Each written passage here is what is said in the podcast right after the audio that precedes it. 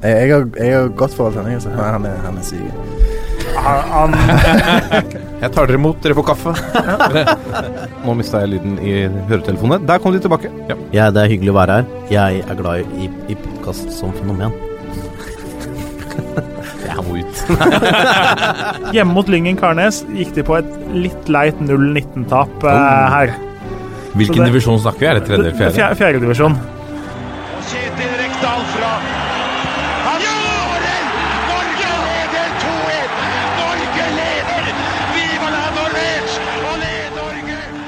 Og der er uh, toppfotball eh, tilbake igjen. Eh, tross børskrakk, tross eh, korona, sitter tre eh, fotballinteresserte menn med en bad shave i eh, dette studioet hos Moderne Media. Vi har eh, dristet oss ned eh, hit eh, og ofrer liv og lemmer for å overbringe det siste og heiteste av nyheter fra eh, den norske fotballverden. Eh, velkommen, eh, Ole Martin Nestelquist. Takk for det. Hyggelig å få et avbrekk fra all eh, koronahysterien. Ja, er det litt uh, Hvordan er det i strømmen? Har dere fokus på det? Har dere liksom lagt noen kriseplaner? Hvordan Er det fred og ro, eller? Det er veldig eh, fred og ro. Vi, uh, ja, vi har ikke brukt veldig mye energi på det. Vi har uh, nevnt at håndhygiene er viktig, men det er jo alltid i en fotballgarderobe. For hvis du først får mye sykdom som begynner å gå, så får du trøbbel. Så vi, ja, vi gjør som vi pleier, vi. Og vi har heller ikke stengt, eh, stengt klubbhuset. Nå er det de to som pleier å komme innom klubbhuset vårt på dagen, de er fortsatt velkomne. det er godt å vite. Jørgen Kjernås, velkommen. Takk for det, takk for det. Du er også fortsatt frisk. Ja, det hersker jo uenighet om uh, til stadighet. Men Absolutt, eh, ja, ikke noe mer syk enn eh, tidligere. Ikke noe mer enn vanlig. Eh, godt å se deg igjen. Eh, Du jeg er usikker på hvor lenge om, om den gleden blir kortvarig, for du har, eh, du har meldt at du har med deg en kaktus eh, som du kunne fysisk delt ut i dette studioet. Ja, det har jeg. For det, det er jo Lasse som pleier å ha den spalten. Han driver jo eh, med X Games for tida. Det er Eh, riktig. Han la jo ut masse på eh, Instagram her, hvor det var folk som tok Jeg vet ikke hva ting heter, jeg. Backflip 720 og uh, triple corks og så. Jeg håpa liksom at det var Lasse som skulle komme på et uh, snowboard i neste liksom, Insta, men det var ikke det, da. Nei. Men at han, Han var er borte, pressesjef i helga. pressesjef, Uh, men at han er borte, gjør jo at vi, jeg tenkte, For det, det sto jo ikke noe kaktus på kjøreplanen, men Nei, jeg tenkte jo det at er på jeg hans hadde spalte. Det er liksom hans greie, men så måtte vi dele ut en. For jeg skal sitere en tweet fra godeste Martin Ropstad. Engasjement må bygges over tid. Greit nok. Her må mange år med venstrehåndsarbeid rettes opp, ikke til forkleinelse for venstrehendte, står det. Ja, men Det er jo ikke Ja. til forkleinelse for venstrehendte. Men jeg, så tenkte jeg også jeg skulle sitere en artikkel eh, angående Du må jo referere til hvilken tema. sammenheng eh, Nei, det er ikke så nøye, for det som er liksom nøye her, er jo at du liksom bruker venstrehendt som noe negativt og liksom nedlatende. Ikke til forkleinelse, sa jeg. Nei, men det, det er jo sånn Jeg er ikke rasist, men liksom. Det er litt den samme tonen. Ja. Jeg leser fra en artikkel hos TV 2, eh, professor som er intervjua. Hadde evolusjonen bare vært basert på menneskets evne til å slåss, hadde naturlig seleksjon ført til at det i de fleste tilfeller var de venstrehendte som overlevde, osv. Å ja, for det er mer Eh, effektivt. Men det er, det er jo sikkert fordi det er akkurat som, som venstre venstrebeinte kantspillere og sånn. Ja, det er litt vanskelig å, Spør- forsvare seg mot. Venstre, gode venstrebein, det er verdsatt. For de Det er fordi de er sjeldne. De er sjeldne, ja, Ja. men det uh, Så det er litt sånn ja, Min kaktus går jo her. Dette ser ut som en kaktus. Jeg er dårlig på blomster. Ja. Med oppfordring til Du må ikke tenke på det som noe nedlatende. Tenk heller på venstrehendte som litt sånn X-Men, på en måte. Ja. Litt bedre. Bare en naturlig utvikling av det vanlige mennesket. Tenk heller på det sånn, er eh, oppfordringa. Så har, har du på en måte riktig verdenssyn. Samtidig, hvi- hvis det er sånn at venstrehendte tenker at den planta der ser ut som en kaktus, Ja. så er jeg litt bekymra likevel. Det beste som skulle tatt bilde og lagt ut, Martin. For det, det der er ganske langt unna en kaktus. Ja, det kunne vært sånn veldig store kaktuspigger, da. Du er en, eh, en svak representant for de venstrehendte her nå, syns jeg. Eh, det, er ikke, det er ikke jeg som vi, fikk, vi hadde nye blomster i dag, rakk jeg å notere den lille tida jeg var innom. Det var ikke Jeg vet ikke hva de heter. Ja, dette sier jeg som Trond Giske at hvis dersom folk har oppfattet det jeg har sagt som negativt, og latt seg fornærme av det, så beklager jeg det. Nå kommer pulsen. Da har vi kommet til pulsen, og vi begynner pulsen med fotballtinget, for det ble tatt opp eh, nok en gang en rekke saker, og fortsatt er det uvisst om hva som ble viet størst oppmerksomhet. Det kan godt være det var lunsjen også eh, denne runden. Um, vi uh, Det er noen ting vi kan løfte fram her. Um, VG har en artikkel i etterkant av, av Fotballtinget eh, som har overskriften 'NFF-styret presset til å ha jenter som eget satsingsområde'. Hvor det kommer rett, ble rettet litt kritikk om at ikke jentefotballen og kvinnefotballen ble trukket ut som et eget uh, satsingsområde, men ble lagt inn under den totale satsingen. Um, så var det jo, uh, var det jo to uh, observante representanter her fra Var det fra Hønefoss bl.a.? Cecilie P. Øyen. Lene Grydland fra Leka. Og så fikk de støtte fra Karen Espelund i Rosenborg. Ragnar Slettestøl i, i Rosenborg Kvinner. Det, forslaget ble vel også tatt opp her av Margrethe Haugum. Eh, hvor de mente jo bestemt at eh, kvinnefotballen og jentefotballen må eh, hva skal vi si listes opp som, en, som et eget definert satsingsområde, og ikke bakes inn i, i totalen. og så stusset jeg litt på at jeg Ref din tweet da tidligere i sendingen også, Jørgen, om venstrehåndsarbeid. Var, så var det min min refleksjon rundt Fotballforbundets uh, tidligere håndtering av uh, kvinnefotballen, hvor man bl.a. har mistet en VM-pokal, uh, hvor man har uttalt at toppserien er et produkt som ikke går an å selge. Så tok det tre år, og så har toppfotball kvinner samlet inn er det 20 millioner kroner. Ja, det var vel 18 som var tallet, eller et eller annet, men det er uansett det er jo en økning da på mange tusen prosent. Så Helt vanvittig. Vi har jo toucha innom dette i tidligere podkaster òg. Eh, det er jo ikke tvil om at det har vært gjort dårlig arbeid. Høyrehåndsarbeid, som det jo kjennes uh, som Høyre, Høyrehåndsarbeid. enkle kretser. Det er riktig. Det har vært gjort uh, en for dårlig jobb med å selge det produktet. Nå hater man jo egentlig det navnet produktet, men altså å nå sponsorer og få interesse og få noen som er villig til å betale for skapene skape rundt kvinnefotballen, så med en gang på en måte de, det ble sendt ut til klubbene og toppfotball kvinner, så fikk man jo en voldsom økning. Mm. Så det lå jo muligheter der som ikke har vært utnytta tidligere. Ja, absolutt. Og uh, jeg er litt forundra over uh, tidligere kvinnelandslagsspiller Turid Storhaug, som har sittet i NFF-styret siden 2014. Hun sier at da jeg kom inn i NFF-styret, snakket vi om fotball som herrefotball. Nå er det annerledes. Jeg er trygg på at denne strategiplanen tar godt vare på jentene. Altså, vi er jo ikke Det blir litt som altså, vi er jo så vidt kommet i gang med å løfte fokuset her. Altså, vi er jo uh, vi er jo i startfasen. Vi, er, vi har fortsatt en lang vei å gå med tanke på publikumstall, generell oppmerksomhet. Jeg syns det gjøres, som vi har snakket om her tidligere, gjøres veldig mye bra uh, fra toppfotball kvinner. fokuset som har vært rundt landslaget under mesterskap, har vært veldig bra. de er foregangsmodeller for veldig mange norske klubber på, på kvinnelandslaget hva gjelder sosiale medier. Altså vi er uh, Det gjøres veldig mye gode ting. LSK Kvinner, uh, Vålerenga uh, Det er mange klubber her nå, henger Rosenborg seg på også, som, som, gjør mye bra. Men det er jo for langt unna til å si at ok, nå er vi der vi, der vi trenger å være for at, for at dette kan drive litt av seg selv uten ekstra oppmerksomhet. Mm -hmm. det, jeg kjenner at det, det liksom irriterer meg litt. Um, Men veit vi at det er sånn det er tenkt? Eller er det NFF som nå tenker at nå kan vi snakke om fotball, og så gjelder det begge kjønn? Og så er det bare litt, kommet litt klønete fram. Ja, det er, vel, det er vel det som er argumentet, da. At, ja. at, man har bakt det inn Altså begge kjønn. Man har tenkt på fotballen uh, bredt, da. Mm. uavhengig av uh, kjønn eller uh, hva det måtte være, om det er topp eller bredde, eller Altså man har en helhetlig strategi for, for begge sidene. Mm. så jeg, jeg tror ikke det er ondsinna. Jeg er bare Nei. litt overraska over at, at, uh, at uh, man ikke ser verdien i utgangspunktet og har det som et eget punkt. Og så var jo uh, nulltoleranse mot vold, som jo har vært et Også det rullet, ut av, rullet opp av VG i høst, at det er jo mange voldssaker i, i Fotball-Norge som kanskje ikke blir behandlet som det skal. Og så gjorde man en glipp nå at man glemte å, å, legge det inn i strategien som et viktig punkt. Og det er, heller, det er, jo, ikke, det er jo ikke sånn at man, eh, man øns NFF ønsker vold på, på norske fotballbaner. Det jeg syns var merkverdig, som jeg synes var finurlig, var at det var fire som stemte mot mhm. at det skulle inn i strategien.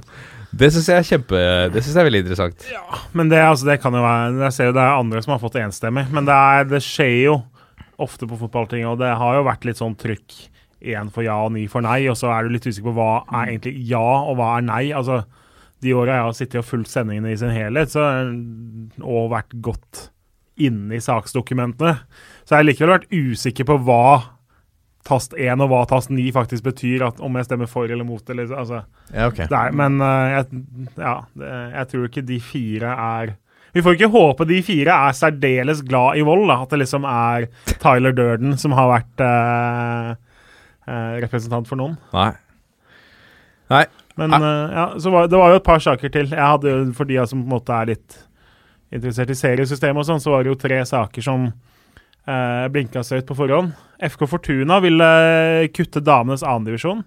Uh, fordi de mener det er for mange avdelinger, og nå som det er spissa på nivå 0 og, eller nivå 1 og 2, så burde nivå 3 spisses. Eh, de trakk forslaget sitt. Skjønte at det ikke ble gjennomslag, var litt for uklart, litt for tidlig med tanke på den nye strukturen.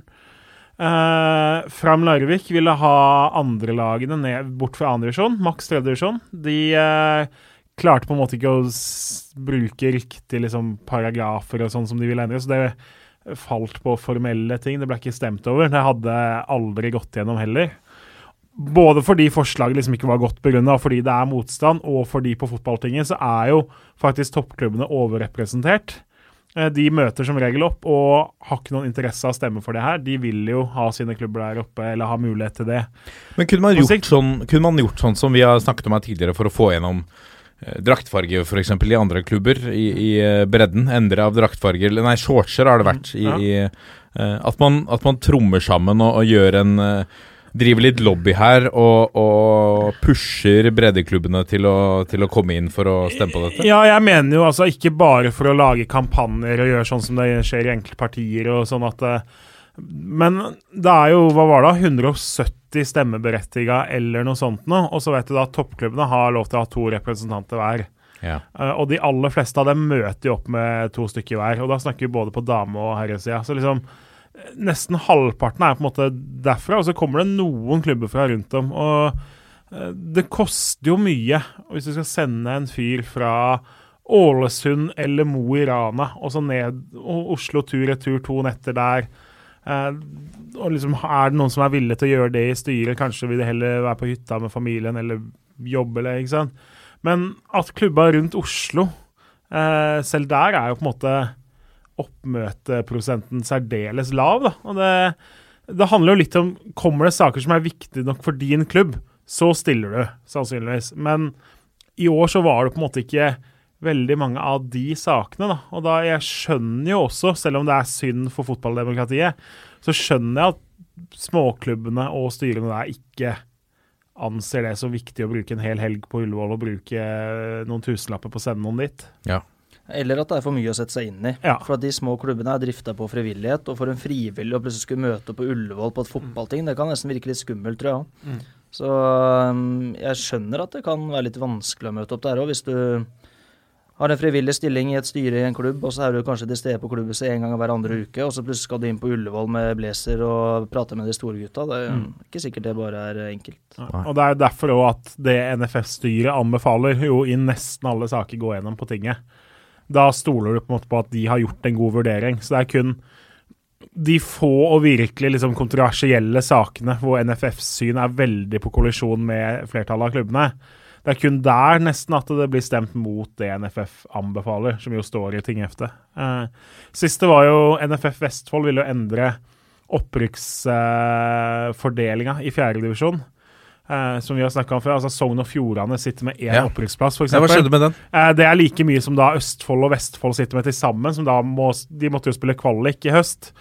Uh, der skjedde det ingenting. Det ble nedstemt. Det var et dårlig formulert forslag hvor de Altså I tingheftet så så det ut som de hadde copy-pasta inn både litt av kladden og litt av det endelige forslaget. For det var liksom to forskjellige fordelinger som var limt inn i det samme. Det var ikke Jeg tenkte ok, nå er jeg trøtt, for nå, nå leser jeg i men det, det var dårlig begrunna. Det, det var på en måte Alle er seg selv nærmest, da.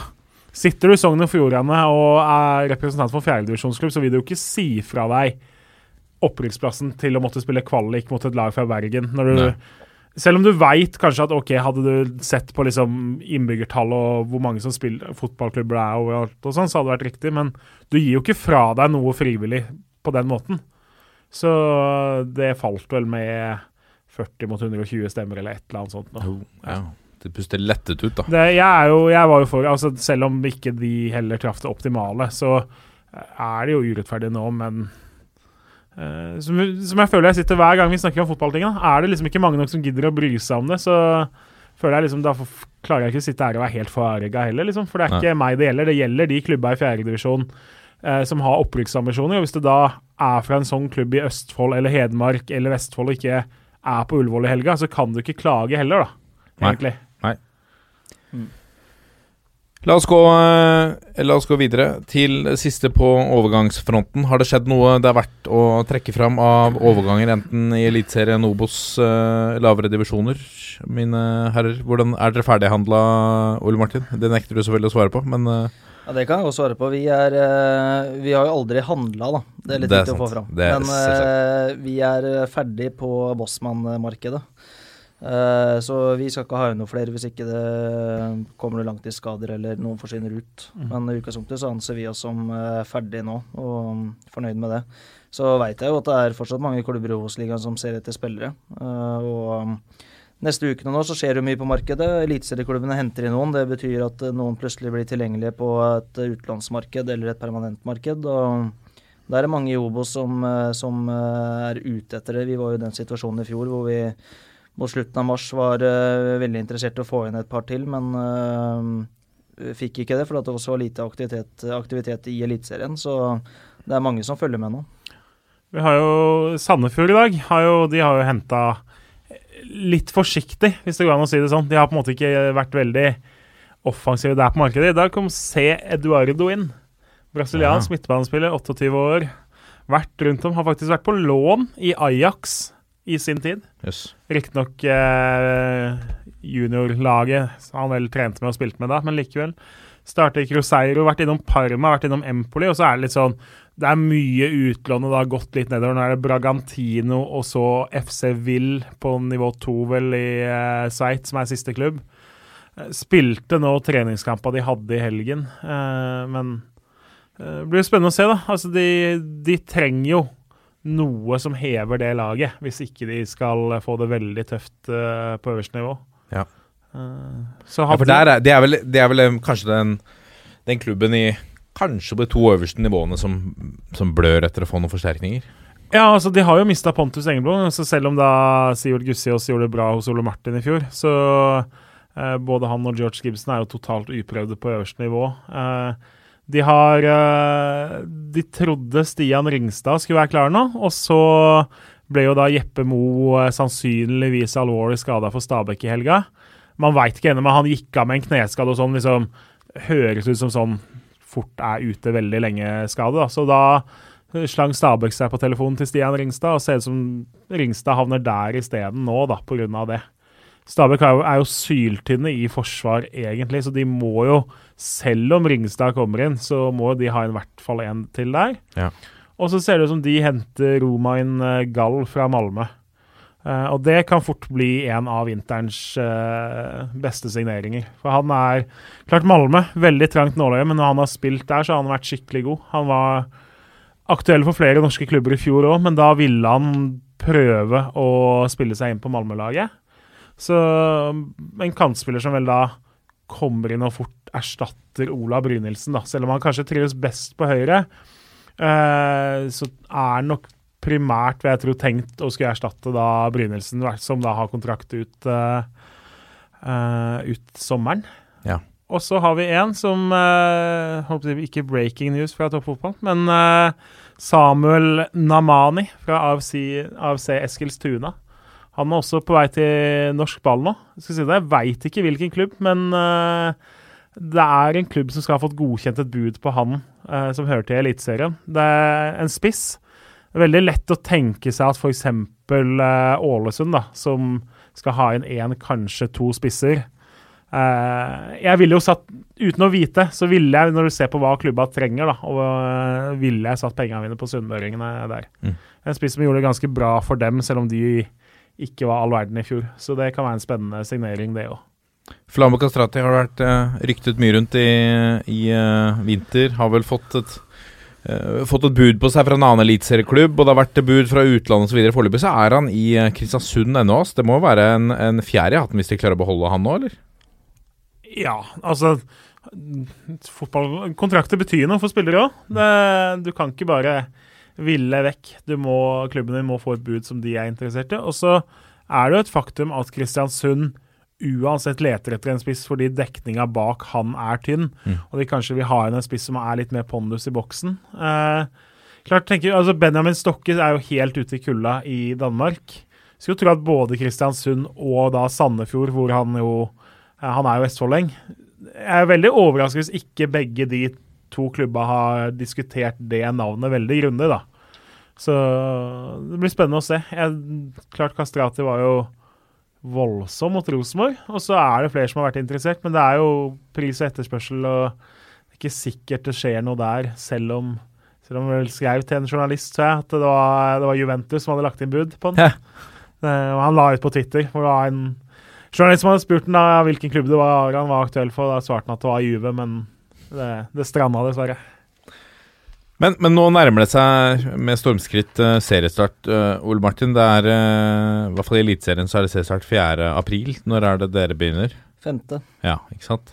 De signeringene som eventuelt Altså de klubbene som kjøper spillere nå fra altså de siste to, to og en halv ukene før seriestart, er det Hva slags situasjon er de i? Er er det bevisst fordi man er taktisk med tanke på å avvente markedet, eller er man liksom litt i Har man ikke funnet den spilleren man ønsker seg? noe? Dette er sikkert veldig forskjellig, men Veldig ofte så er det økonomisk gunstig å hente mot slutten. For en spiller som kanskje nå koster 20 000 i måneden å låne, vil kanskje slutten av mars koste 12 000 i måneden å låne. For at både spillere og eliteserieklubb og Obos-klubb blir jo gjerne mer og mer desperate etter hvert som vinduet nærmer seg slutten. Uh, og Det var litt argument for at vi prøvde å være tidlig ute i år òg. For at det å hente spillere i desperasjon er ikke alltid det lykkes. Uh, og så skal ikke jeg sitte her som noe besserwisser. Det er jo også mange av de klubba som peker seg ut den spilleren vi vil ha, og så velger vi å være tålmodige, og så får det heller strande. Men hvis vi får den, så er det verdt det. Uh, så det også er jo absolutt en god strategi. Men ofte så er det økono økonomi som er grunnen til at man venter lenge. For at de blir gjerne litt billigere og billigere etter hvert som uh, tida går. Um, og så er det jo Plutselig så skjer det noe. Plutselig får du en langtidsskade. Plutselig ser du en spiller du har sett for deg skal gjøre det veldig bra, ser ikke så bra ut som du hadde håpa. Du må gjøre noe på slutten. Um, så det er nok mange forskjellige årsaker til at man velger å vente. Men jeg tror oftest så er det økonomi som er årsaken. Eller at man rett og slett ikke finner den type man vil ha inn permanent, så man blir sittende og vente litt og se litt hva som beveger seg på, på lånemarkedet. For det er jo det er ganske mange eliteseriespillere rundt omkring som eh, nå i løpet av neste ukene får beskjed av treneren sin om at eh, du kommer ikke til å spille så mye her i år, men som er gode Obos-ligaspillere. Og da lønner det seg jo å være litt eh, tidlig ute der og ha en god dialog med de eliteserieklubbene, sånn at man tidlig får beskjed og tidlig er i førersetet på å signere de spillerne. Det er sikkert ikke alle som er helt oppdatert på hvordan den logistikken og det spillet der funker. Altså Når, når en spiller ønsker seg bort, blir du ringt f.eks. av agenter som vil tilby spilleren til deg, eller er det du som tar Er det altså klubbene som tar mest kontakt? Hvordan, hvordan fungerer det der i stor grad? Det er nok eh, ganske stor variasjon, men det er jo også litt avhengig av relasjoner. da. Sånn som, eh, Uten at jeg skal utlevere de her nå, så har jo jeg og vi på en måte våre eliteserieklubber som vi har en god relasjon med, fordi at man kjenner en sportssjef fra før og man kjenner en trener fra før av. Og da kan det ofte være klubben som ringer og sier at nå, nå er vi interessert i å låne ut en spiller, og hva er status og sted i den posisjonen. Men veldig ofte så er det jo agenter, og det også er det mange klubber som gjør at de ringer en agent og sier at nå er vi interessert i å låne ut den spilleren, kan du hjelpe oss med det? Eh, Så slipper klubben å gjøre den jobben. Så det er eh, enten klubb eller agent som tar kontakt med, med, oss eller andre klubber. Alternativt så er det jo da er jo da eh, vi som tar kontakt med eliteserieklubben fordi at vi ser at det er en spiller som kanskje er litt langt unna spilletid som vi har lyst på. Så det kan være litt begge deler, men jeg tror oftest så er det agent, og så nest oftest så er det direkte fra en trener eller en sportssjef. Ja, nei, altså jeg tenkte Hvis vi går veldig kjapt gjennom Eliteserien, så kommer det til å skje mye i mars. Ålesund må ha spiss. Kommer til å hente én, sannsynligvis to, tipper jeg. Bodø-Glimt har jo signert både spisser og midtbanespillere, og sånt, men må jo ha keeper. Skal ha keeper. Brann veldig overraska hvis ikke de er på stoppejakt fortsatt, selv om det nå kommer en keeper der. Haugesund er jo litt sånn, de skal også ha inn en keeper til å da utfordre Sandvik. Eh, hente en dansk spiss på lån nå, som kanskje gjør at de er ferdige, men de ser også etter liksom målpoengspillere. er- Har ikke erstatta Sondre Tronstad helt, selv om da Våge Nilsen er tilbake, annet. Så Kristiansund, som tror de henter inn en annen spisstype enn det de har. Forsvinner Kastrati, så må de egentlig ha to spisser. Mjøndalen nå jo, har jo tapt alt i vinter og sett svake ut. Eh, ikke henta noe nytt på topp ennå. Det er jo både Ocean og Bergstrøm ut, annet. Og selv om de da flytter Brustad opp og sånn, så tror jeg også Du får ikke 100 odds på at det kommer inn en angrepsspiller eh, enten langsiktig eller kortsiktig der. Og så er det jo jakter og sonderer litt på et par spennende spillere. Obos fortsatt, hvor de har henta to spillere fra allerede. Molde er vel ganske ferdig, men også har vi ikke henta stopper for å erstatte Gabrielsen, som vi snakka om sist. Det er Stian Gregersen som er inn, så de er jo per def svekka der. Odd, spennende å se. altså Børven ser ut som han blir nå. Eh, har ikke erstatta Oldrup eksternt. Det er fortsatt har fortsatt tidligere varsla at de skal ha inn egentlig to spillere, altså én fors anvendelig forsvarer og én spiller til de to andre ledda. Rosenborg veit man ikke helt ikke sant, hva de Mm. tenker rundt. Skal Botheim være andre spiss, eller skal de ha inn noe bedre der, f.eks.? På stoppeplass så er Reginiussen på siste kapittel i karrieren. Hovland og Valsvik er ikke helt der oppe når du snakker Europa, da, som er på en måte nivået hos dem. Sandefjord må sannsynligvis ha spiss, skal ha dobbel dekning på venstrebekk. Syns det er rart hvis de ikke henter stopper, det, men de har på en måte ikke penger til alt det gjelder. Men at det kommer noen nye der, det kan vi egentlig garantere. Sarpsborg kanskje ferdig. De har jo Sarpsborg skal være rolige eh, i vinter. De har jo ikke vært helt rolige. Det, det vil jo være en overdrivelse. Har ganske stor stall nå, men tynt på stoppeplass, da, spesielt når de skal spille med tre stoppere og Jørgen Horn eh, knapt har spilt eh, i løpet av vinteren. Så hvis de skal ha noe, så tror jeg det er det. Og så har de ikke dobbel dekning ordentlig på høyrebekken heller. Stabæk forsvarsspiller og et eller annet offensivt. Tipper det kommer tre mann inn der, egentlig. Start har gjort veldig lite i vinter. Har jo ikke erstatta et par av de som har forsvunnet heller. Så et eller annet offensivt, eh, enten på venstrekant eller offensiv midt der, tror jeg vi får se inn. Tipper de òg sitter litt på gjerdet og venter. Godset, der kommer jo nyhet i dag. Nå er det ikke noe enighet der med Drammenspatriotene, som jo har vært det kritiske for dem. Eh, det er sånn, det er jo en, veldig vanskelig å forklare, men altså Drammenspatriotene har jo spytta inn veldig mye penger der da de lå nede for 15 år siden. Nå skal de ut når den avtalen går ut etter sesongen, men så vil ikke de si fra seg alt. De har hatt en prosentandel i spillersalg, og så vil de ikke bare la alt gå til klubben, for de har på en måte investert i den spillerstallen Godset har nå, og vil jo da ha noe tilbake. I dag kom det da beskjed fra Godset kort at de har hatt møte, men det har ikke blitt noe enighet, så da ser det ut som avtalen løper ut 2020. Målet for Godset var jo å avslutte den her og nå, sånn at de kunne få på plass en annen struktur. Nå er de litt sånn, om ikke bundet helt på hender og føtter, så ser man jo på signeringene de har gjort i vinter. De har gått veldig på eh, altså laveste hylle. Kan for all del treffe der òg. Men eh, de har henta spillere som er totalt ukjente, og som, eh, som ikke har vært så veldig attraktive for så mange andre. Eh, og det kommer jo da bl.a. litt av det at de veit ikke helt eh, hvordan økonomien ser ut. Hvis de ikke får til en løsning her, så er, skal disse patriotene egentlig ha en ganske høy prosentandel av spillersalg også når avtalen går ut. Fordi Ja, de investert i avtalen dem. ute. Så håpet er liksom, Håpet for godset har vært å finne en annen modell da, som gir dem litt mer eierskap til egen spillerstall og mer forutsigbarhet enn det de har nå. Men sitter veldig på gjerdet der. Så er Viking og Vålerenga eh, to lag som ser ganske ferdige ut, som kanskje eh, først og fremst må ha noe ut før de eventuelt kan begynne å tenke på noe annet. Og så, selv om, en sånn, selv om sånne, to sånne klubber da, kan si at de er mer eller mindre ferdige, så letes det jo fortsatt, hvis den riktige typen kommer. Finner Vålerenga en spiss, enten låna i markedet eller kommer rekene på en fjøl på en annen måte, så tror jeg ikke de sier nei takk. Han Eh, Marion George tror jeg er ledig nå. Ja, han, ikke sant. Noe kan skje, men det eh, Jeg tror ikke det er der vi får mest action. Men til sammen så ble jo dette en ganske god sum av spillere som jeg tror klubba vil ha inn, og da er det jo 15-20-25 unge spillere eller andre som er langt bak i køen, som da fort havner i Obos eller havner i noen av de mindre klubba her. Ikke sant? Henter Si at Sarpsborg nå henter en eller to til, da, så har jo plutselig de noen som skal ut. Da kan de havne i Sandefjord eller i Mjøndalen f.eks. Sånn er jo Det er jo en kabal sånn sett. Ja. Det som også er litt interessant, er jo at uh, for en del av de klubba som åpenbart må ha spillere inn, så er ikke det bare for å forsterke, men også fordi at de mangler antall. Og hvis du henter inn spillere fordi at du mangler antall, så er ikke det sikkert at det frigjør noen til å gå ut. Eh, og um, en juniorspiller f.eks.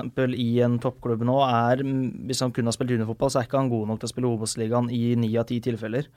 Så det er eventuelt andredivisjon, da. Men det er klart, de klubbene som skal hente inn for å forsterke seg, der vil jo, vil jo bli større bevegelse. Jeg, så jeg prøvde å lage en oversikt. Eh, de siste vintrene så har det liksom vært mellom 17 og 23 overganger som er sånn Det er ikke norske spillere, og det er ikke spillere som er fra skandinaviske klubber. Eh, altså utlendinger fra andre ligaer enn det har vært sånn 17-18-19-20 overganger eh, til Eliteserien. I år så tror jeg vi er på sju eller åtte så langt. Det er jo ofte de som kommer da på slutten av vinduet. Du, via en agent så får du tilbud om en spiller fra et helt annet sted i verden som har en fristende CV, men som av en eller annen grunn da på en måte har falt ut i sin klubb og kunne tenke seg å spille i norsk fotball på lån i noen måneder eller komme på en eh, ni måneders kontrakt. Og så sitter du da i en klubb og du har 50 timer igjen til vinduet stenger og veit at ok, vi har liksom ikke funnet noe, men vi trenger én kantspiller til. Og han her har jo en CV. Da tar man ofte sjanse på den spilleren, og så låner man da ut juni eller ut juli. Eh, relativt liten økonomisk nedside på ganske mange sånne avtaler. Da. Og så viser jo da historikken at eh, mange av de spillerne forsvinner jo fort i glemmeboka. Jeg og lurte på jeg skal lage en quiz her på 2010-tallet, og så ta liksom spillernavn. Hvilken av disse fire klubbene var denne spilleren i i elit- Eliteserien? For det, det finnes ganske mye utenlandske navn som eh, ingen husker rundt om, for å si det sånn. Eh, Det er dårlig, det er ikke noen dårlig spalte. Nei, og den, eh, for å si det sånn, jeg tror vi kan lete fram en 25 navn der som eh, nærmest vi kan diske folk for juks hvis de tar eh, over halvparten på deg. For det har vært mye obskure navn i Eliteserien. Og mange av de kommer på slutten, og så kommer jo noe gull òg, spør Stabæk, som jo Stabæk har hatt en tendens til å i slutten av mars enten hente terningkast fem og seks signeringer eller terningkast én-signeringer. Det er sjelden det er terningkast tre. Har på en måte vært vår Harry Rednap, uh, Ingalill Olsen. Ja, på mange måter, men det er klart, altså Treffer du én gull per to bomsigneringer, så Ja. kanskje det er verdt det. Ja, de har jo levert. Hvor uh, eh, eh, Hva? Nei, jeg bare skulle si, Det henger også sammen med at vi, er, vi og Finland er vel de eneste som har åpne overgangsvinduer nå. Så MLS også stengt? MLS er kanskje åpent. Ja. Russland? Eh, Begge av de har vært åpne en stund. Lurer, de stenger før det norske, i hvert fall. ja. Uh, Det, men jeg husker ikke om de har akkurat stengt eller skal stenge. For det, det merker vi jo. Bare telte opp nå i dag. Bare i dag har jeg fått, uh, fått tilbud om ni spillere fra østeuropeiske ligaer. Så det er klart Nå begynner jo de klubbene der ute å bli desperate på å bli kvitt spillere, og spillere skal spille, og da veit de at Norge er en mulighet. Eh, og så er det jo fortsatt mange som tror at det er veldig mye penger i norsk fotball. Det er noen klubber som har mye penger, men uh, alle de ni forventer jo at de kan eh, bli rike av å spille Strømmen. Der, der bommer de ganske kraftig. Uh, men vi merker jo desperasjonen etter hvert som tida går nå, fra også de utenlandske ligaer, for det er kun hit de kan komme omtrent. Ja, men de kan, de kan få seg en tur ned til Bobo i bua, da. Det må du Ja, absolutt. Og det er uh, mer verdt enn 50 000 i måneden, for å si det sånn. Ja. Men, men eh, i, i, eh, i, i strømmen, eksempel, hvor For det er ofte lurt på hvor man eh, snakker om at ok, unge spillere må matches lett. Man er redde for at hvis, man, hvis man trenger en Man må bruke en juniorspiller, da, mye skader eller et eller annet, så er man litt redde for at, at de blir litt skremt av A-lagsfotballen. Hvilke hensyn har du, har du noen gang tenkt på det? Hvilke hensyn tar du overfor unge spillere? Eller kaster du de ut til Det er jo noen som tror på det, å kaste de til eh, Hva kaller det? Løvene? Eller eh, på dypt vann? Eller eh, Kaster det til de venstrehendte. Ja, ikke sant? Ja. Jeg har nok et ganske enkelt syn på det. Enten så er du god nok, og da spiller du, eller så er du ikke god nok, og da spiller du ikke. Eh, og så er det jo sånn at uh, eh, hvis, hvis du leder 3-0 og det er kvarter igjen, så kan du velge å sette inn på han 17-åringen i stedet for han på 29. Eh, Så det er en del sånne ting, men sånn fra start og sånn, enten så er du god nok, eller så er du ikke god nok. Og, og så kan det være forskjell på individer, hvordan du jobber med det i forkant, jobber med det i etterkant. Men sånn i selve kampen så blir du kasta ut i det. Da får du håndtere det. Ja. Det er, eh, toppidrett generelt er ganske tøft. Det er jo Hva sier de for noe? Survival of the fittest. Og det er litt samme i toppidrett, altså. Du, du blir kasta ut i det, og så får du håndtere det, eller så får du ikke håndtere det. Eh, men så tror jeg det er viktig med oppfølginga, kanskje spesielt i etterkant. For det har jo hatt noen eksempler med unge spillere som har blitt kasta ut i det. Håndterte tilsynelatende ok, men begynte å slite med angst og en del sånne ting i ettertid. Eh, og, og det må du ta på alvor, selvfølgelig. Men selve kampen, selve prestasjonen, det tenker jeg du må bare kaste deg ut i det, og så gjøre deg noen erfaringer, og så får du heller, eh, får du heller hjelpe dem litt etterpå.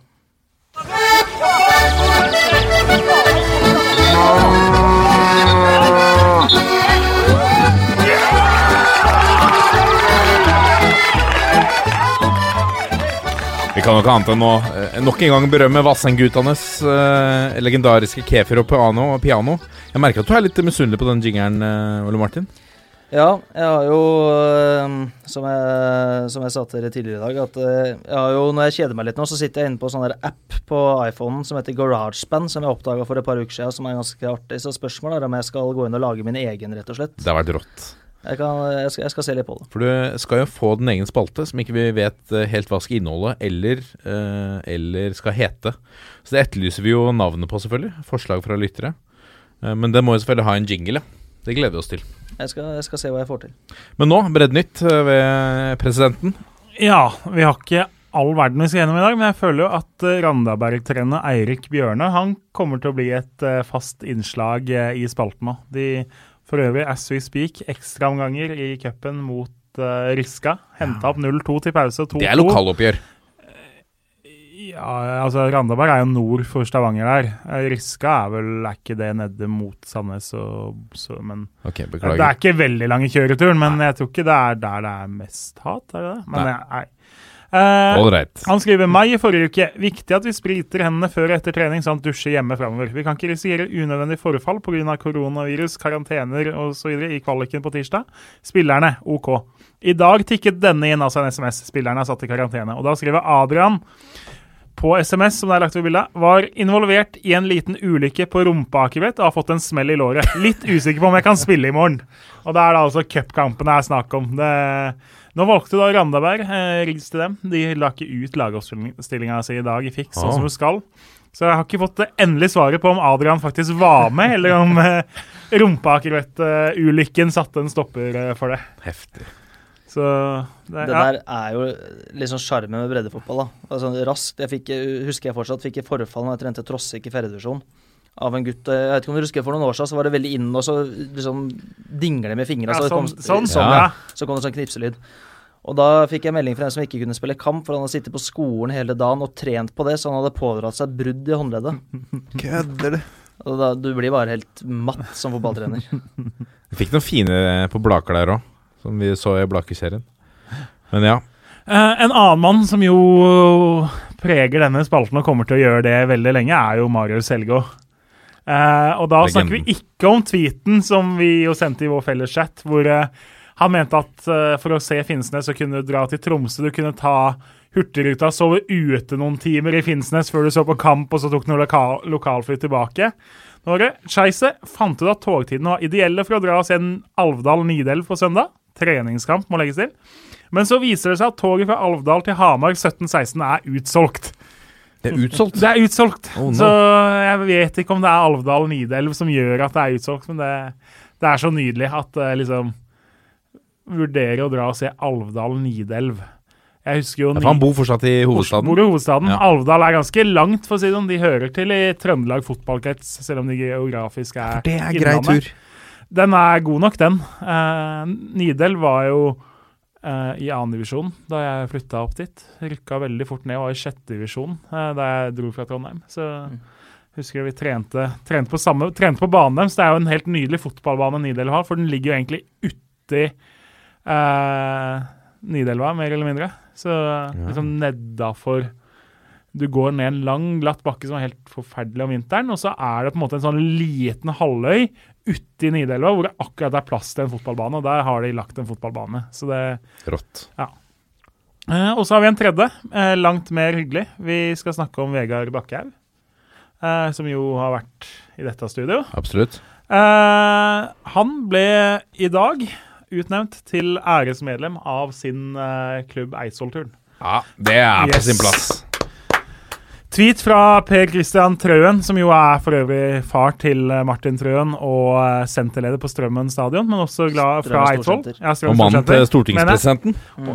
Grattis til Vegard. Fortjent utnevnt til æresmedlem i klubben i hans hjerte på Eidsvoll Turn sitt årsmøte. Og da står Bakkehaug i midten med en blomsterkvast og noen nye tatoveringer oppover armen, så vidt jeg har sett på Instagram.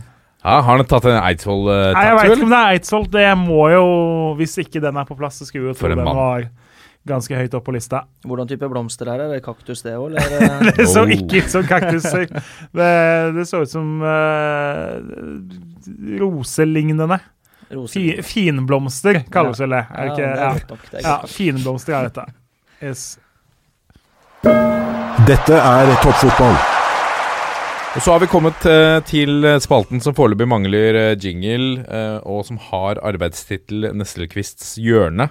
Der har vi fått eh, et eh, forslag, navneforslag på spalten fra en lytter. Eh, han ville kalle det for Neslekviss, eh, men det fordrer jo at du skal ha en quiz hver uke, og det er jo ikke sikkert. Eh, så foreløpig tanke rundt denne spalten eh, fra seminaret vi hadde på Scandic Sjølyst der forrige helg, så kom vi fram til at, eh, at det skulle være et slags drypp fra toppfotballen. Ja. Ja, det er ikke den, er, den er litt åpen foreløpig, den spalten. da. Så i dag så har jeg tenkt at jeg skal på en eller annen måte prøve å formidle litt det følelsesregisteret vi fotballtrenere er innom i løpet av en kamp og i tida etter en kamp. Um, jeg har ikke bestemt meg for om det skal være eh, morsomt, eller om det skal være eh, interessant, eller hva det skal være. Så jeg har skrevet en tekst eh, om litt eh, som, går litt på hvordan jeg føler det under matchen mot 08 vi spilte for onsdag, hvor vi får juling.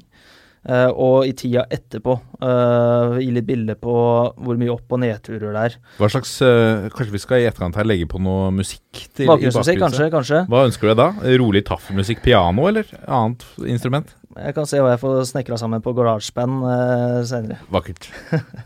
Men ja, vi får, jeg skal prøve å lese dette her, og så tar jeg gjerne imot tilbakemeldinger på om dette her er bra, eller om det er helt krise. Og så kan jeg også begynne med å si at uh, jeg utle utleverer meg sjøl litt her nå, for uh, vi fotballtrenere skal jo egentlig være ganske balanserte. Det har ikke jeg lært meg ennå. Så for meg så er det uh, opp- og nedturer stort sett hele tida. Um, vi kan starte da onsdag 4. mars. Da er vi på vei til Sarpsborg i buss. Treningskamp mot eliteserielaget Sarpsborg 08.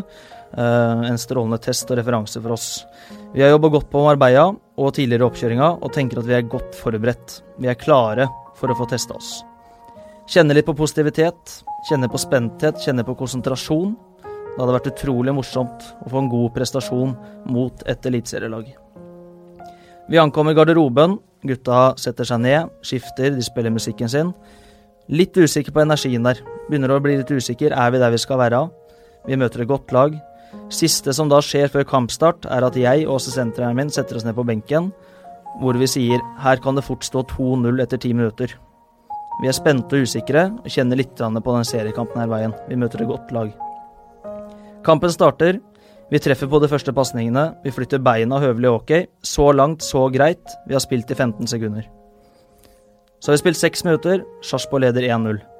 Tanken ok, vi får få gutta opp igjen, prøve å skape litt energi, rette fokus mot oppgaver. Spill 15 minutter, 2-0 til Sarpsborg. Unngå å gå i kjelleren, tenker jeg. La oss samle oss litt og få en god treningsøkt her. 18 minutter er spilt, 3-0 til Sarpsborg. Ok, nå må vi bare få maks ut av dette. Kjenner litt på skuffelse, kjenner en del på frustrasjon, og litt frykt for at dette skal repres representere oss defensivt. Spill 23 minutter, 4-0. Faen. Her er det mye å ta tak i. Dette blir et tøft år. Siste 60 minuttene. Det er en del ok ting utpå her. Vi får finne fram de positive tinga, så får vi ta utviklingsområdene seinere. Etter kampen på bussturen hjem, er vi egentlig på rett spor? Hvorfor evner vi ikke å håndtere disse situasjonene? Dette her kan bli tøft. Kjenner på at jeg er godt nede i kjelleren. Etter ca. tre kvarter på bussen tar jeg opp telefonen, finner fram eh, Direktesport og begynner å se litt på kampen. Ja ja, det er ikke helt svart dette her. Det skjer en del ting som vi trener på. Eh, og eh, et snev av optimisme dukker opp. Det trenger ikke å bli så gærent, dette her. Dagen etter kamp, analysedag. Sitter to timer og ser på video, analyserer, tar ut klipp. Etter to timer med ganske hektisk arbeid trykker jeg på pause og registrerer at det er spilt 21 minutter av kampen. En liten tur ned i kjellertrappa igjen og inn i fryserommet. Hvor i alle dager begynner vi her? Hvordan i alle dager skal vi bli klare til seriestart? Kjenner at jeg må ta en litt lengre pause, samler hodet, ser resten av kampen uten å analysere for mye, bare ser den. Så kommer lørdag. Det er på tide å prioritere. Hva prioriterer vi for å være klare for Stjørdalsblink 5. april? Etter åtte timer med godarta grubling er planen klar. Positiviteten er tilbake. Dette her blir bra. Det blir en bra sesong. Vi har en flott spillergruppe med masse potensial. Vi må bare løse noen ting. Søndag gleder meg til trening mandag. Begynner på den nye perioden. Dette her kan bli veldig bra. Vi kan bli veldig gode i år. Mandag bra treningsøkt. Optimismen sprer seg. Etter trening er det en følelse av mestring. Vi har tatt gode valg. Vi har brukt kampen til noe positivt. Dette er bra arbeid av både spillere og trenergruppa. Tirsdag. Optimismen er fortsatt til stede. Det er vi på i dag. Dette her blir en bra økt. Vi har brukt mye tid på å organisere økta. Vi er klare. Dette her kommer til å bli bra. Skal bare skrive ut økta, så er vi klare. Printeren fungerer ikke. Faen. 30 minutter med enorm frustrasjon forsøker å reparere printeren. Det går til slutt, men nå har vi dårlig tid. Ting skal settes opp, jeg skal snakke med to spillere.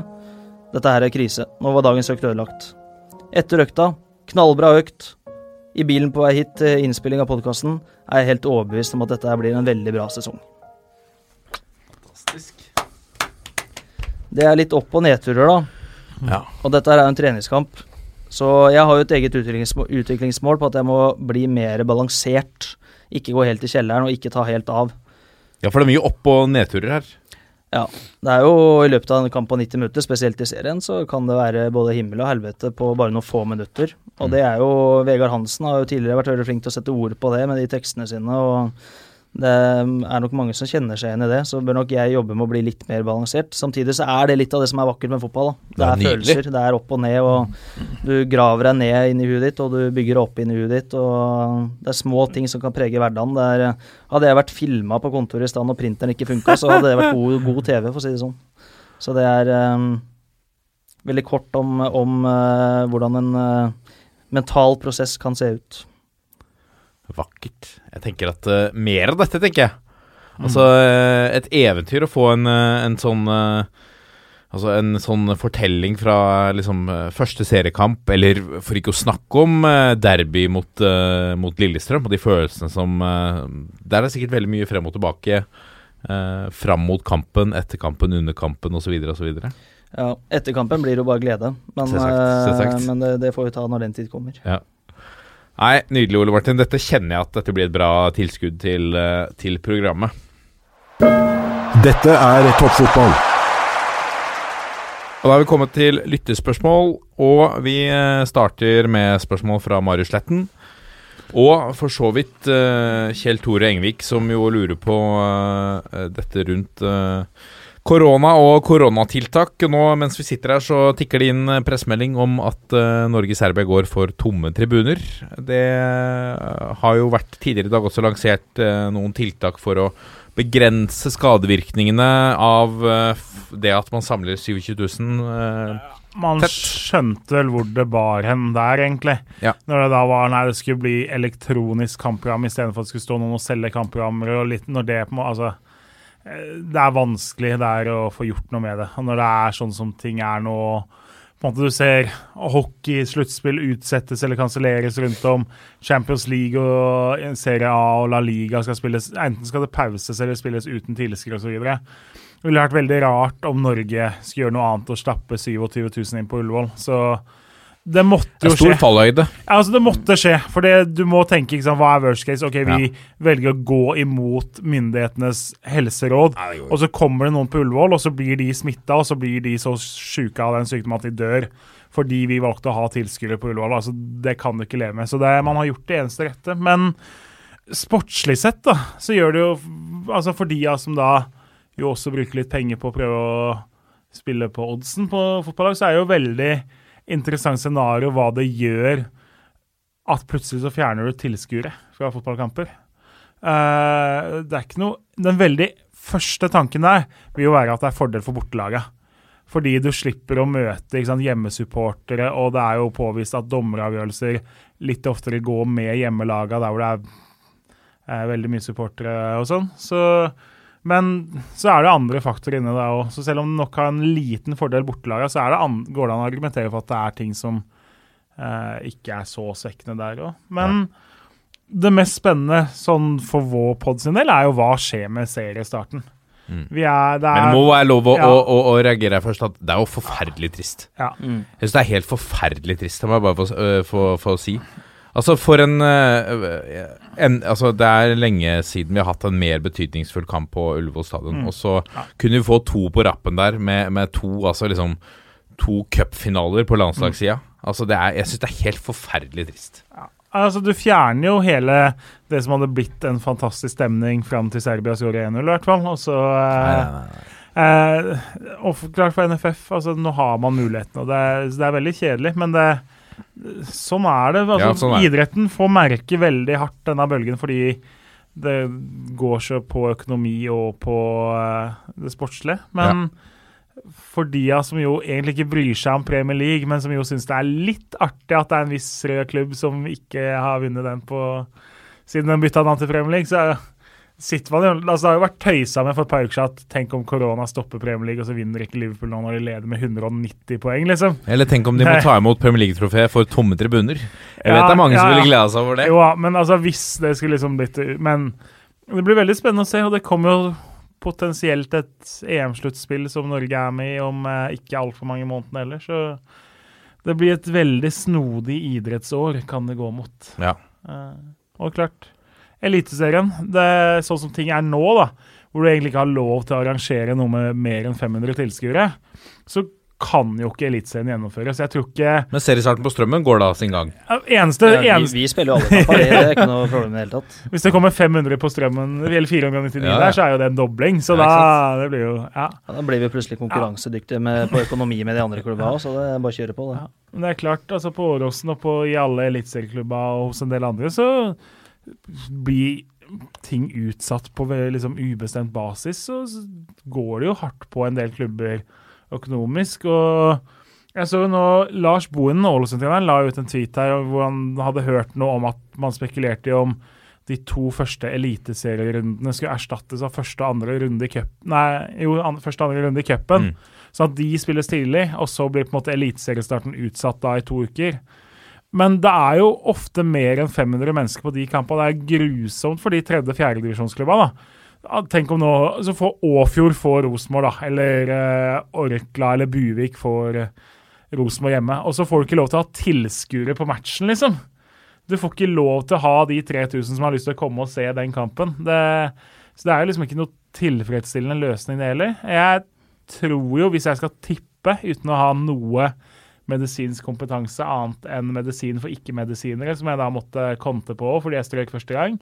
Det er et Eh, fag. Medisin for ikke Medisin for ikke-medisinere er et fag. Du må ha et sånt der perspektivemne, måtte da, og da, da den type fag. Det er greit for oss i Eh, studio å vite hvem vi skal henvende oss til. til Ja, det jeg tror ikke du skal følge mine helseråd, men eh, det, det lukter jo at eliteseriestart blir utsatt. Jeg tipper man i første omgang nå utsetter en uke eller to. Tipper to uker. Høres liksom, så få, håper du at ting skal gå ned innen da, og så tar du en ny vurdering. Og Da må ting forskyves to uker, kanskje, i andre enden, eller et eller annet. Eh, så det er ikke noe veldig kvalifisert tips, men man ser jo hva som skjer rundt om i hele Europa. Man ser, ser hva som skjer med konserter og ishockey og andre ting i Norge. Så jeg blir veldig overraska hvis vi 4. april 16.00 ser Strømsgodset og Viking line opp klar til kamp på Ja. Da kan det gå mot cupfinale, da. Lille julaften. Ja, nå skal jo den egentlig spilles tidligere, da, men eh, ja, jeg, jeg tror jo at man i første omgang gjør det, fordi eh, sånn som ting er. Men vi, Ja. vi får vente og se. Men jeg forstår ikke hva som skal endre seg på de to ukene. For vaksine er jo ikke klart før om lenge. Men det er ikke noe vaksine, men det er jo håp. Altså, man ser jo land som Nå ble dette en veldig Men det er jo klart det, er- det, det, det, Men du er jo medisiner. Nei, nei det, etter syv og et halvt studiepoeng eh, Det er med veldig lett lektyre, så jeg tror ikke vi skal gå dit. Men Uh, eh, man ser jo altså Sør-Korea annet, som da vasker gater og på en måte sett, andre land hvor du setter alle i eller risikogruppene i karantene og gjør ekstreme tiltak. da. Kina så har man jo fått det til å snu og gå ned, så det er, finnes jo eh, tiltak eh, som går an. eh, og jeg tipper jo man på en måte vil vente og se på om ting tar seg opp eller ting tar seg ned. Ja. Eh, og viktigst? Altså, Det er jo svære arrangementer. Det er jo mange i sving for å få i gang en eliteseriekamp. Man trenger Ideelt sett så bør jo ting utsettes i ganske god tid. Mm. Så Jeg tror ikke det kommer liksom dagen før kamp. Jeg tror det skjer uh, en uke eller to før. Ja. Tipp. Men som sagt, dette er, dette er mye av det vi sitter og snakker om er synsing, men dette er på en måte bare Vi har ikke hørt ja, noe om det ennå. Ikke fått nei. noe informasjon eller noen ting. Så Nei. vi forbereder oss til Mm. seriestart som vanlig, vi. Og så får man jo se. Samtidig så er jeg helt enig i at uh, når situasjonen er som den er, så må man jo respektere helsemyndighetene. Så Mm. NFF gjør jo det eneste riktige med landskampen nå. Men det, det er jo utrolig trist, som du sier, Martin. Mm. Men hva vil du, eh, hva vil du Nå har ikke du planlagt det, eh, for du forholder deg til seriestart. Men, men ville dere potensielt arrangert noen treningskamper for, eh, for tomme tribuner? Eller for å komme i gang, tenker Ja. du? Ja.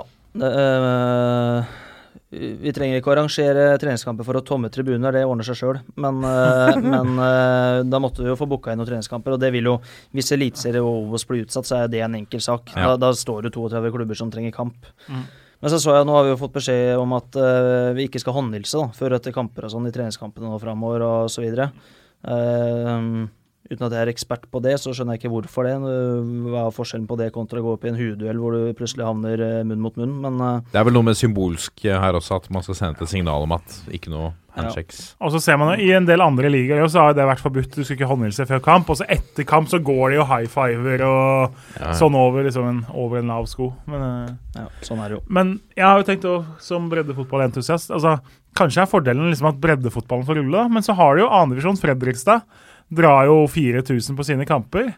Du kan jo liksom ikke sette i gang avdelinga av dem, så kan du si at nei, Tromsdalen har bare 200 tilskuere, så da kan vi ha hjemmekamp hos dem, og vi kan ha hjemmekamp hos Skeid på Nordre Åsen, men Moss drar sannsynligvis 800, så da kan ikke de ha hjemmekamper, og Fredrikstad kan ikke ha hjemmekamper, liksom. Så det er litt sånn og Kan du ikke heller si nei, da får Fredrikstad starte med fem bortekamper i april? Nei, og jeg tenker liksom at det- eh, at man argumenterer med at ok, mindre enn 500, Ja. så blir det sånn Ja, ja, men, men eh, for den ene personen Altså, de 500 sitter jo Hvis de 500 sitter tett, så er det jo på en måte Det er jo samme, samme greia. Ja, ja.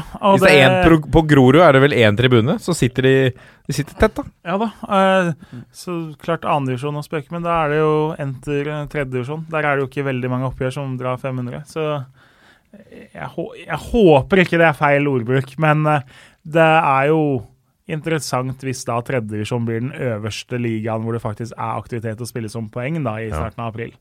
Ja. Det blir en fin uh, tippekupong. Åh, De blir fine, faktisk. Ja, de de, er fine. de er fine på sommeren. Ja. Der har ikke folk eh, si det, Ola Oddsbong eh, bruker ikke mange sekunder på å vurdere Gjelleråsen-Junkeren på Strømmen stadion. Nei, det kan jeg si. Eh, vi tar et spørsmål fra eh, Benjamin uh, Sears. Han uh, har sendt oss en mail på toppfotballat451.no. Han lurer på mulig dere har gjort dette før, men kan dere sette opp de 16 lagene dere mener bør være i Eliteserien? Jeg kan ta utgangspunkt i, i mine 16, eh, så kan vi diskutere rundt det. Så kan dere tilføye deres egne. Jeg har da tatt utgangspunkt i årets, årets serie, og så har jeg byttet ut, byttet ut fem lag. Eh, ikke til forkleinelse for verken de eller venstrehendte.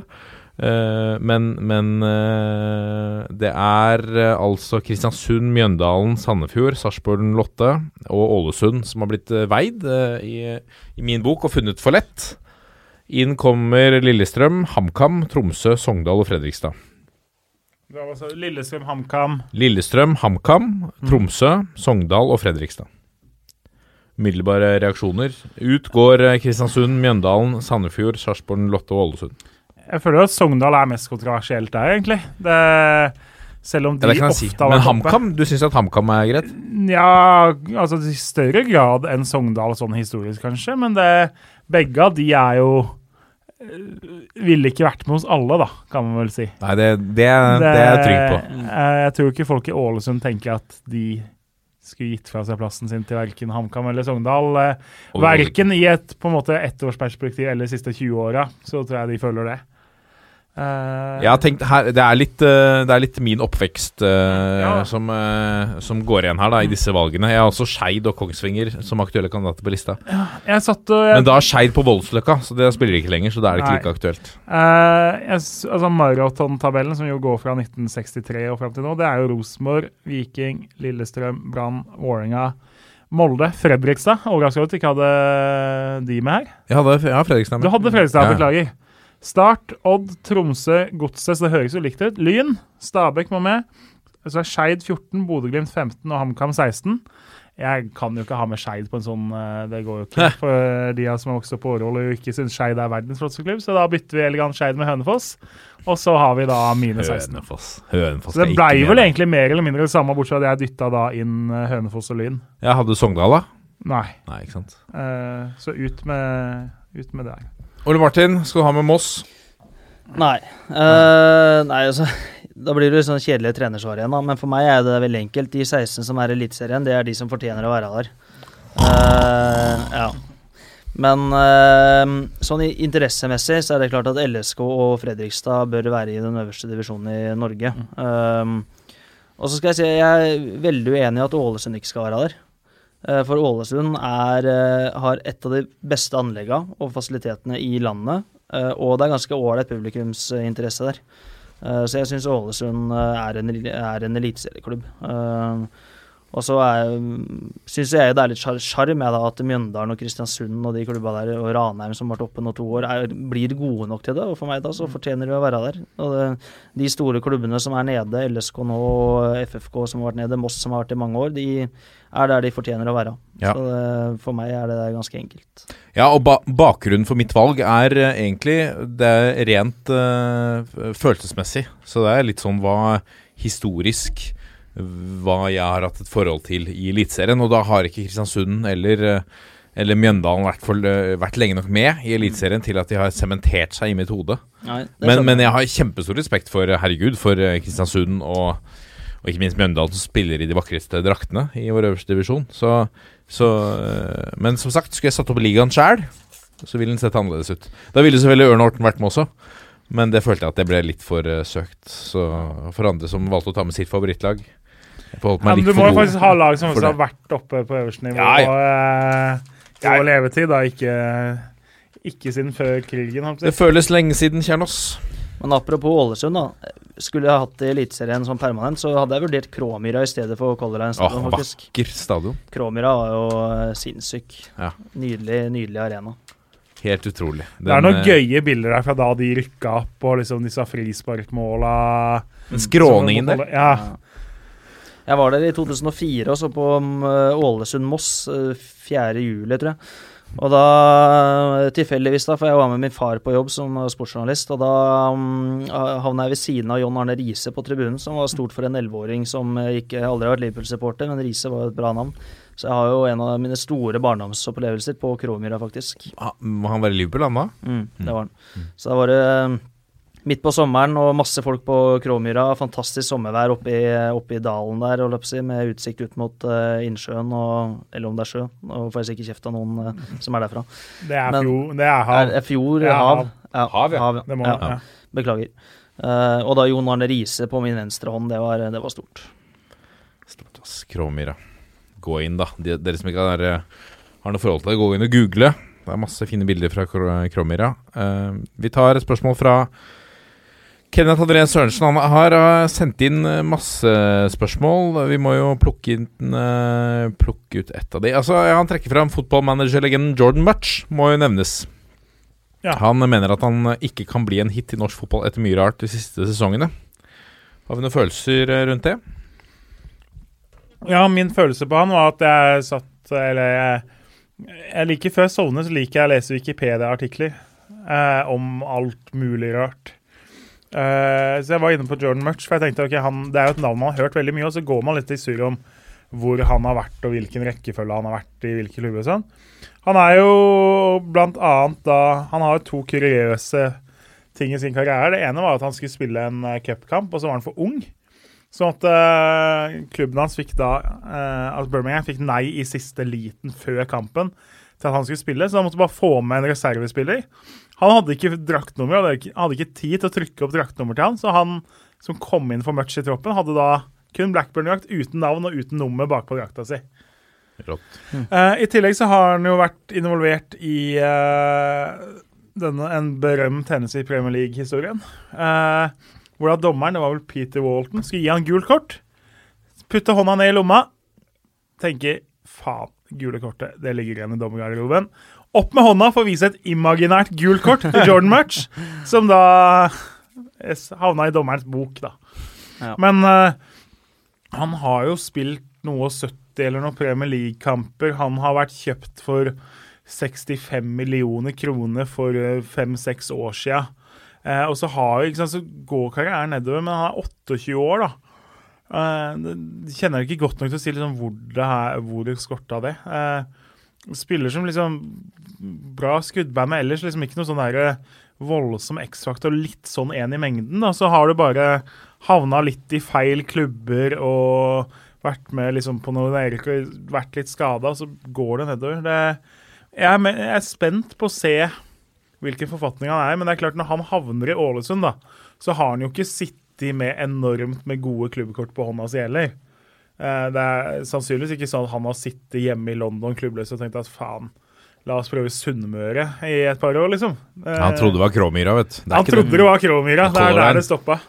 Eh, interessant signering, men de liksom De som har kommet inn litt i samme greie, altså Nigel Rio Coker eh, der eh, Vi får ikke håpe han er der, for han var jo eh, hvem var det? Jeg satt og så Var det borte mot Eik Tønsberg eller et eller annet jeg så stream med Start 2 og han, og han var jo Altså, han var jo banens dårligste Uff, i tredje, norsk Det er tredjedivisjon. trist. Han var så tung i steget at uh, du kunne krabba forbi han, liksom. Så ja, Interessant velger jeg å kalle det. Jeg føler ikke jeg klarer å slakte det før jeg har sett han på banen for dem.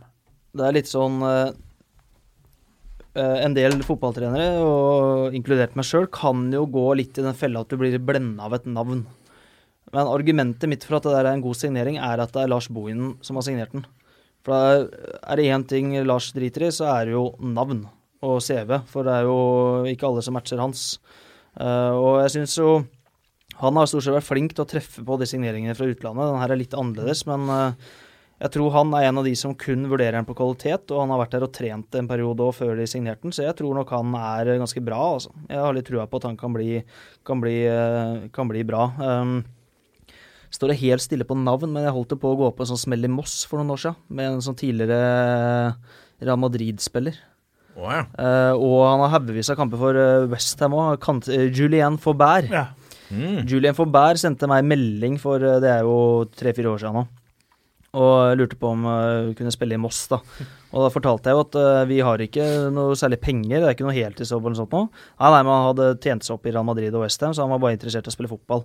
Og da var jeg liksom, ble jeg liksom blenda av navnet, og faen, dette må vi kjøre på. Så jeg ringte han og snakka litt med han, og dette her viste seg å være interessant.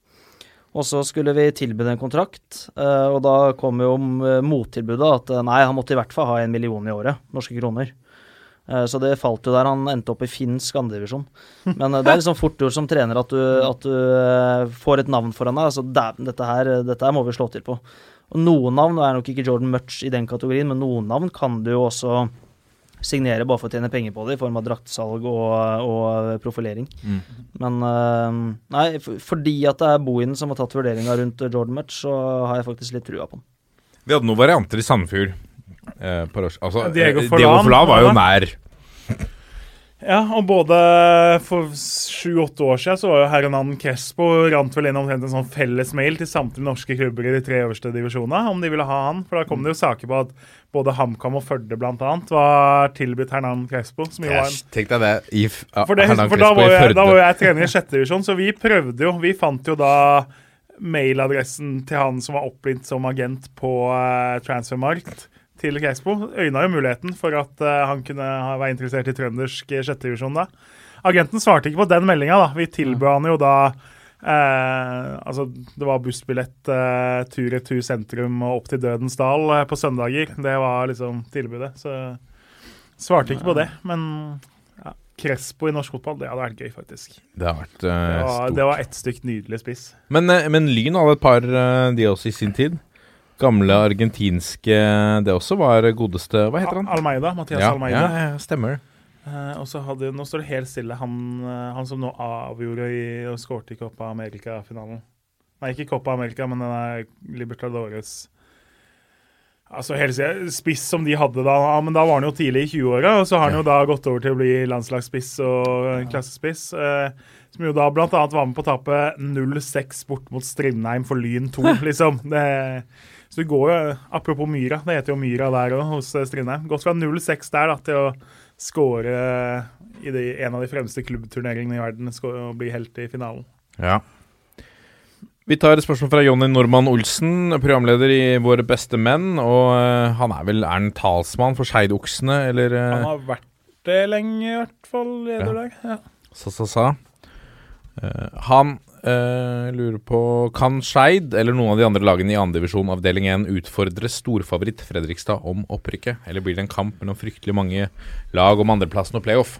Det veldig kjedelige svaret er jo at Fredrikstad skal være det klart beste laget i den avdelinga. Og så langt i vinter så ser jo Fredrikstad veldig solide ut.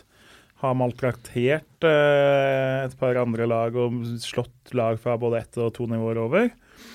Og så er det veldig mange om beinet til å potensielt kunne være det laget som skaper trøbbel. Altså Skeid og Tromsdalen kommer ned. Men for å svare på Skeid først, altså mm, litt sånn generasjonsskifte. Mister egentlig hele forsvarsfireren sin, mister et par andre brikker. Henter stort sett spillere fra tredjedivisjon og sånn. Eh, Jeg tror Skeid blir OK, men jeg blir veldig overraska over at om det mannskapet de har nå, skal kjempe om den øverste plassen i den avdelinga. Da får de veldig mye ut av det de har, men at de er gode nok til å være med i kampen om uh, den kvaliken bak Fredrikstad, det skal de være sammen med en fire-fem andre lag. Så er det altså både Kvikk Hallen er god, Kjelsås er gode, Alta henter Morten Gamst Pedersen hjem. Uh, Hødd, Hødd ser sterkere ut enn det de gjorde i fjor. Henter, henter mye spillere jeg aldri har sett før, for det er fra ligaer som er langt utafor vår allfarvei. Men altså mer ambisiøse oppe i Ulsteinvik enn det de kanskje har vært på et par sesonger. da. Så eh, Brattvåg har en del gode resultater i vinter også, så etter nesten å ha rykka ned i fjor. Så det er Ja, det er mange om beinet der. Jeg mener at sånn som det egentlig alltid er, Fredrikstad skal være et ganske klart hakk over de andre der. Ja. Og så tror jeg som alltid at det ikke blir sånn. Nei. Men, Nei, det er jo eh, én ting hva du tror i mars og hvordan det ender. og det, De var jo ikke noe mindre favoritt i fjor. og da havna de, altså, Så å sitte i mars da, og sagt at nei, du tror Kvikk Halden og Stjørdalsblink hadde blitt for sterk for Fredrikstad, så hadde jo sannsynligvis noen i hvite frakker kommet og henta deg. Mm. Eh, så ikke sant, Hvis du sitter her nå og melder at nei, Brattvåg og Alta blir for sterke, så bør jo de samme i hvite frakker kanskje banke på her snart. Men eh, det skal spilles, og Fredrikstad har en tynnere tropp, da, spesielt i de to bakerste ledda. da. Eh, I fjor så hadde de egentlig liksom, ok, Hvis ikke Nikolai Solberg spilte, så kunne de sette inn Thomas Drage eller Michael Nieves. liksom. Så offensivt er det litt samme nå. Midtbane og forsvar så er det mye fra egne rekker, og det trenger jo ikke være dumt. Og de, mange av de unggutta har tatt bra vare på sjansene i vinter, da. Men uh, ja, Det er vist tidligere at de kan flaske opp uh, egne Altså, spillere. Elveren og benken er jo fortsatt masse uh, rutine og høyere nivåer på CV-ene, men i fjor hvor de hadde på en måte 22 sånne spillere, så har de 15-16 sånne nå, da. Ja. Det som eventuelt skiller FFK i år kontra andre år, er jo at de i år har hatt litt kontinuitet. Mm. Det har vært ganske lite utskiftelser både på spiller- og trenersida. Og så har de fått inn Joakim Klæbo, som, som jeg kjenner godt, som eh, er veldig riktig mann i riktig jobb der. eh, Spesielt med tanke på kultur. Han kommer inn med humør, han kommer til å forløse masse energi, han kommer til å ufarliggjøre en del situasjoner. Eh, Så det kan absolutt være året for FFK i år. og det er mange med meg i Obos-ligaen som håper på det, for det er en klubb vi ønsker å ha der oppe. Det skaper engasjement og interesse, og det er en fin stadion å komme til, og det er eh, mye supportere som skaper liv. Um, Men så er det det der Fredrikstad-syndromet som på et eller annet tidspunkt må, må knekkes litt. Eh, Så får vi se om det er i år. Nå har eh, Per-Mathias Høgmo Han gikk vel ned i en eh, 50 %-stilling, eller eh, opp som sportsdirektør. Nå har han tatt sin hatt og frakk og, og dratt inn til hovedstaden igjen, til uh, gamle kontorer i, i NFF, og vil lede uh, Nå slo jeg mikken rett i trynet her, uh, for å være ærlig. Eh, skal lede topptrenerutdanningen eh, i, i Fotballforbundet. Og, han er jo en velutdannet mann. Eh, Høgmo han har vel studert nå i de siste åra etter at han ga seg som landslagssjef.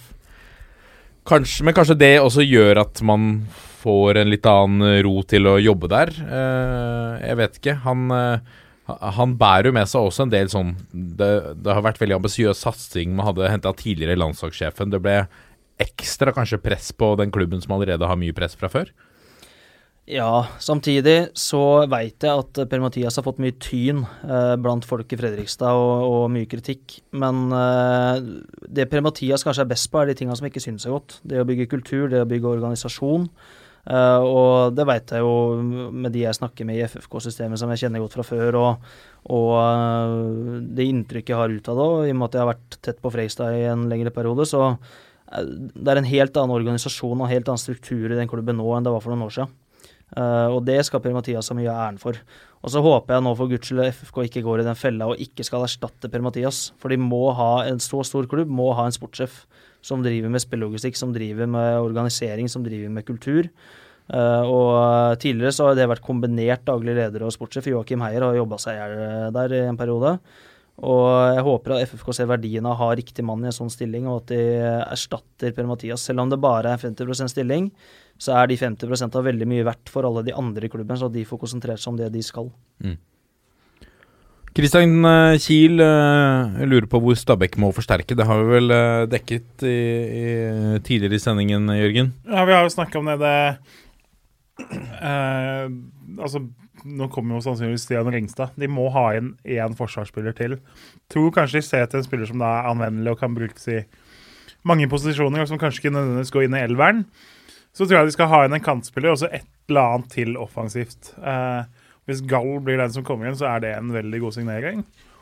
Så syns jeg jo midtbanen der med Lumanza, Bohin, Kassi, det ser klasse ut. Eh, Stabæk er ikke så veldig langt unna å være et lag som er en liten joker eh, denne sesongen her. Spennende. Adidas-mannen eh, tar opp et spørsmål. Han har uh, visst sendt et spørsmål til flere. Han lurer på hvorfor det er så stille om Qatar-VM fra forbundshold, mediehold, klubbhold og spillerhold. Hvor mye blod på hendene skal Fifa og de som støttet Qatar-VM ha før noen sier stopp? Der merker jeg det, eh, Der har man sine klare meninger om, om Det har vi vel snakket en del om her tidligere òg, at det, det er merkelig at det mesterskapet havna der det havna. Og vi har sett reportasjer som har blitt rullet opp. Josimar bl.a. stått i bresjen for å skrive om dette. Det har eh, vært eh, dårlige arbeidsforhold, eh, altså moderne slaveri osv. Men nå, opplever jeg at det er fokuset er kanskje mer rundt det kommende mesterskapet. At det, er litt for langt fram i tid. Ja, det er litt for langt i tid og avstand. Altså, sånn journalistisk, det, er, det kreves vanvittig mye jobb og tid for å lage noe godt på det der, og kilder som du ikke har. og Det er en veldig vanskelig sak å gjøre. da. Jostimar gjorde det jo godt, men det må jo ha krevd veldig med tid og ressurser for det. Mm. Også for en da, si for VG eller TV 2 eller noe, så er det ikke nødvendigvis liksom en sak som folk bryr seg om. Så liksom det, det er ikke en klikkvennlig nok sak. Men nå Fordi er, at ikke, er nå så er heldigvis ikke journalistikken så enkel som det veldig mange Ja, men fordi at det er så lenge til, mener du? Det, ja, det er så lenge til, og så må du på en måte ha de gode enkeltskjebnene for å gjøre en sånn sak journalistisk interessant. Da. Og de kildene krever det da mye jobb og tid for å kanskje kunne få tak i. Så jeg tror det kommer, men jeg, jeg tror gi det et år til før, eller kanskje halvannet, så får du se ganske mange av de reportasjene både i norske og internasjonale medier. Ja. Selv om vi jo så klart selv om det burde vært fordømmelse helt fra det blei kjent at de skulle ha mesterskap og fram til første, eller siste spark jeg har hatt på ballen. Olai Årdal får eh, denne sendingens siste spørsmål. Han lurer på hvor u- Oru U. Kom igjen. Ja. Hvor urovekkende er det at Mjøndalen har tapt Vi skal ikke klippe det bort. Uh, har tapt seks av de sju siste treningskampene. I går mot Sogndal virka det ikke som de var klar til seriestart. Hvor eh, urovekkende er det, Kjøs? Eh, nei, altså som Ole Martin sikkert vil si, altså, resultater i treningskamper betyr jo ikke så mye. Og når det, det er, finnes kamper hvor du har 25 mann på banen, hvorav det da på en måte er seks juniorer og tre prøvespillere som du egentlig veit at ikke skal få kontrakt, men som du på en måte føler må få 20 minutter da, for at de liksom ikke skal bli sur på klubben etter prøvespillet omtrent. Og så tester du en høyreback som venstrekant, og så blir spissen din skada, og så setter du inn femtevalget på stoppeplass der de siste ti minutta. Og noen klubber har brukt keepere på utespillerplass eh, i løpet av de siste ukene. Vålerenga gjorde det hvor de spilte to kamper på to dager. Der kom fjerde keeper Jørgen Johansen kom da inn, det var vel som spiss, fordi han var eneste mann som satt igjen på benken. Eh, så akkurat resultatene i treningskamper trenger du ikke legge så mye vekt på, men det handler jo, da. Det handler jo fortsatt om å vinne kamper, skape Altså få følelsen av seier, få bekreftelse på de tinga du jobber med. Så selv om du ikke trenger å se på tallene, så har ikke Mjøndalen i de kampene jeg har sett dem, så har de sett dårlig ut. De har sett ut som de har vært veldig langt unna seriestart i tid, selv om det har kommet langt ut i februar og mars. Så jeg tror de føler at uh, de må jobbe veldig godt fram mot seriestart nå for å se ut som et lag som skal ta godt med poeng i de første rundene. Eh, ja, og de har hatt mye skader. De har fått kjenne på en tynn stål. De, uh, ja, de, de er et av de lagene som ser ut som de har lengst igjen til å være klare til den starten. Hvor stressa hadde du vært, eh, Ole Martin, hvis du, du, sa, hvis du hadde tapt seks av de syv siste treningskampene før seriestart?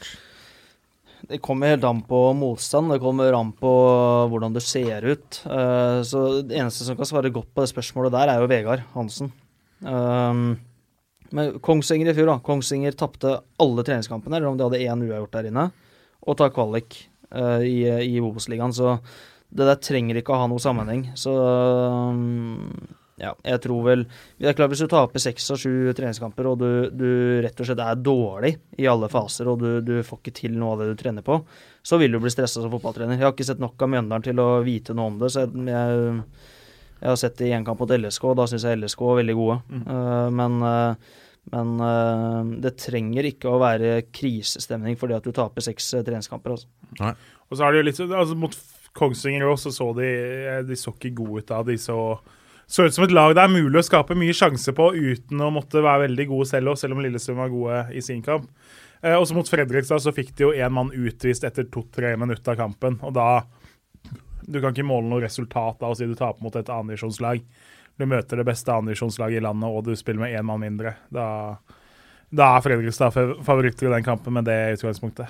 Jeg husker vi skulle gjennomføre et eksperiment en gang. Det var riktignok i etterkant av sesongen. I min kjære syvendivisjonsklubb Ørn Christiane, hvor vi hadde tenkt til at vi skulle ha en treningskamp før sesongen var ferdig.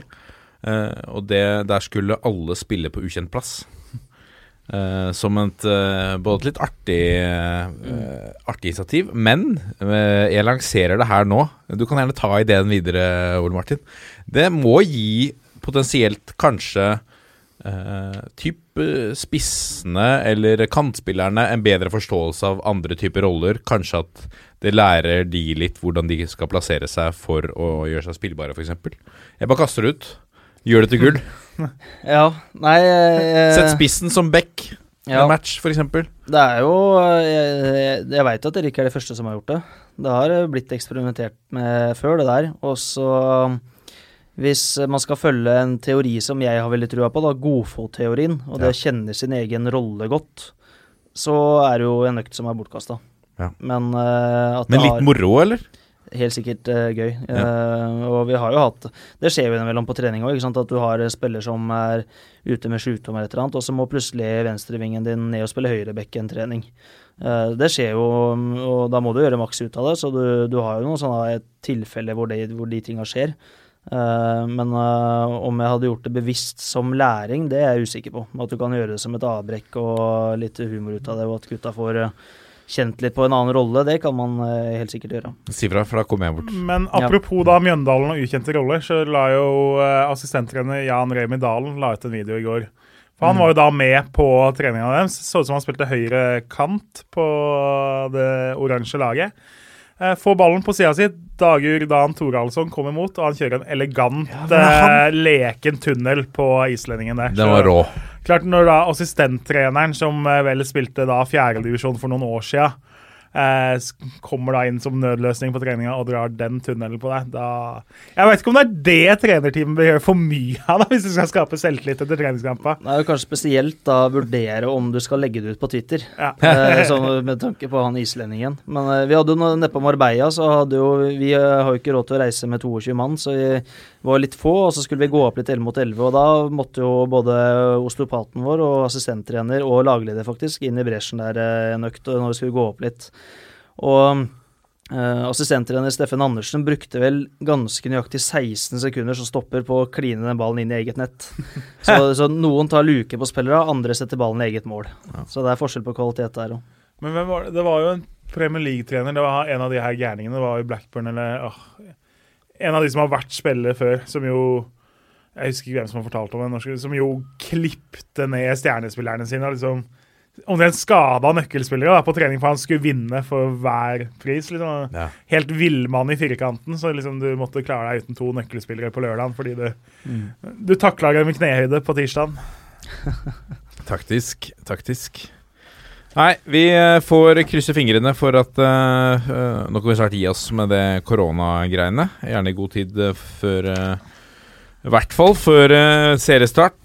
Aller helst før Norge-Serbia. Nå er den tapt, men uh, Ikke tapt, vi skal vinne, men uh, publikum er tapt. Vi, vi håper at dette Hva skal vi si? At dette glir litt over snart. Vi skal uansett fortsette. Så lenge helsa står oss bi i denne redaksjonen, så skal vi klore oss fast i studio hos Moderne Media. Det som jo er fint, er jo at de venstrehendte kommer jo til å leve, overleve dette korona, mens de vi naturlig seleksjon og sånn. vet du. Så det er Send oss en mail hvis du er forbanna. Toppfotball at 451.no. Hvis du er venstrehendt og sitter nå med følelser, eh, så gi gjerne litt eh, ris eh, der. Eller på iTunes, eh, Twitter, Instagram osv. Så, videre. så er vi plutselig tilbake. Og så avslutter vi på sedvanlig vis på 1, 2, 3. Vi er i gjeng! Ha det!